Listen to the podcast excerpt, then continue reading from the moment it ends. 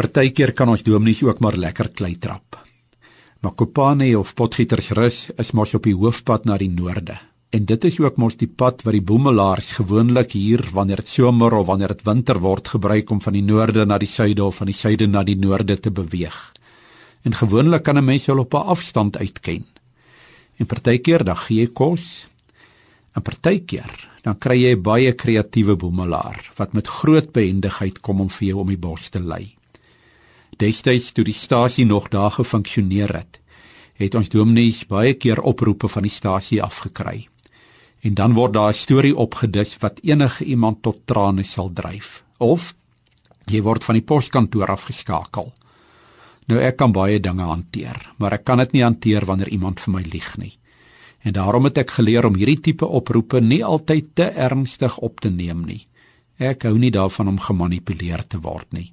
Nou op 'n dag was daar weer so 'n oproep. Hierdie keer is die oproep kerkkantoor toe.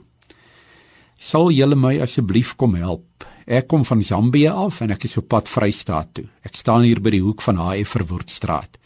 Ek moet dokter toe gaan, my bene seer. 'n Mens kon sommer met 'n stok aanvoel dat dit weer 'n storie was.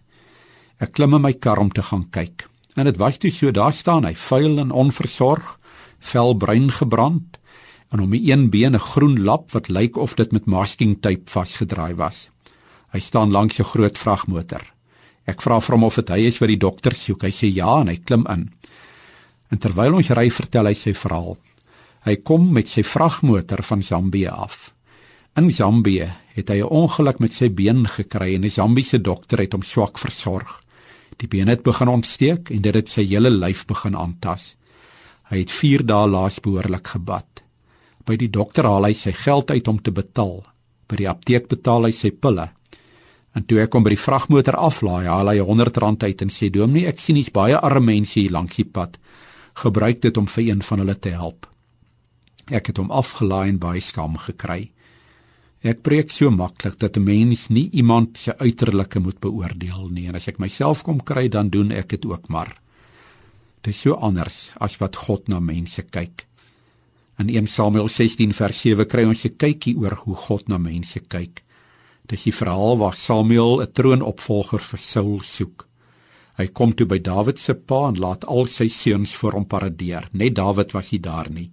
Toe Dawid uiteindelik daar aankom, sien die profete 'n kleinerige rooi ouetjie en wonder hoe die Here kan dink hoe hierdie ouetjie koning word. En dan sê die Here: "Die mens kyk na die uiterlike, maar die Here na die innerlike." Mag ons die genade ontvang om nie volgens die uiterlike dinge mense te beoordeel nie kan ek jou vanoggend met nog 'n ou uierse seënbede seën. Mag jy altyd werk vir jou hande hê. Mag jou beursie altyd 'n muntstuk bevat. Mag jy 'n huis met 'n venster hê waar die son skyn. Mag daar altyd 'n reënboog na jou reënbui wees. En mag die hand van jou vriend nooit te ver wees nie. Mag God jou oë oopmaak vir jou naaste se nood en mag sy blydskap jou hart vul. Amen.